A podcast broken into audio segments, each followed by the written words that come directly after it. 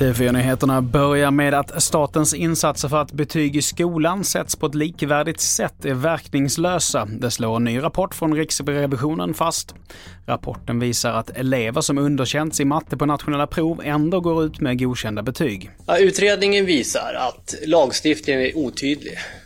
Eh, den förändring som infördes 2018 om att lärare särskilt ska beakta de nationella proven är inte tillräckligt konkret för Skolinspektionen att granska emot och vidare så kan lärare och rektorer inte riktigt veta vad det innebär. De vet inte hur de ska tolka att särskilt beakta. Och i inslaget här så hörde vi Christer Sund som är projektledare på Riksrevisionen. Vidare till att regeringens beslut att lägga ner miljödepartementet får idag stark kritik av alla före detta miljöministrar sedan 86.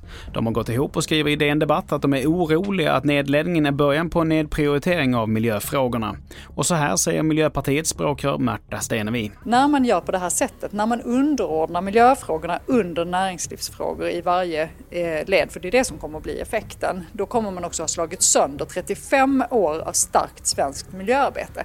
Det fanns en anledning till att man lyfte ut miljöfrågorna och lade dem i ett eget departement med en egen departementschef. Nu backar man det och det kommer att få förödande konsekvenser, det är jag övertygad om. Fler nyheter hittar du på tv4.se. Jag heter Mattias Nordgren.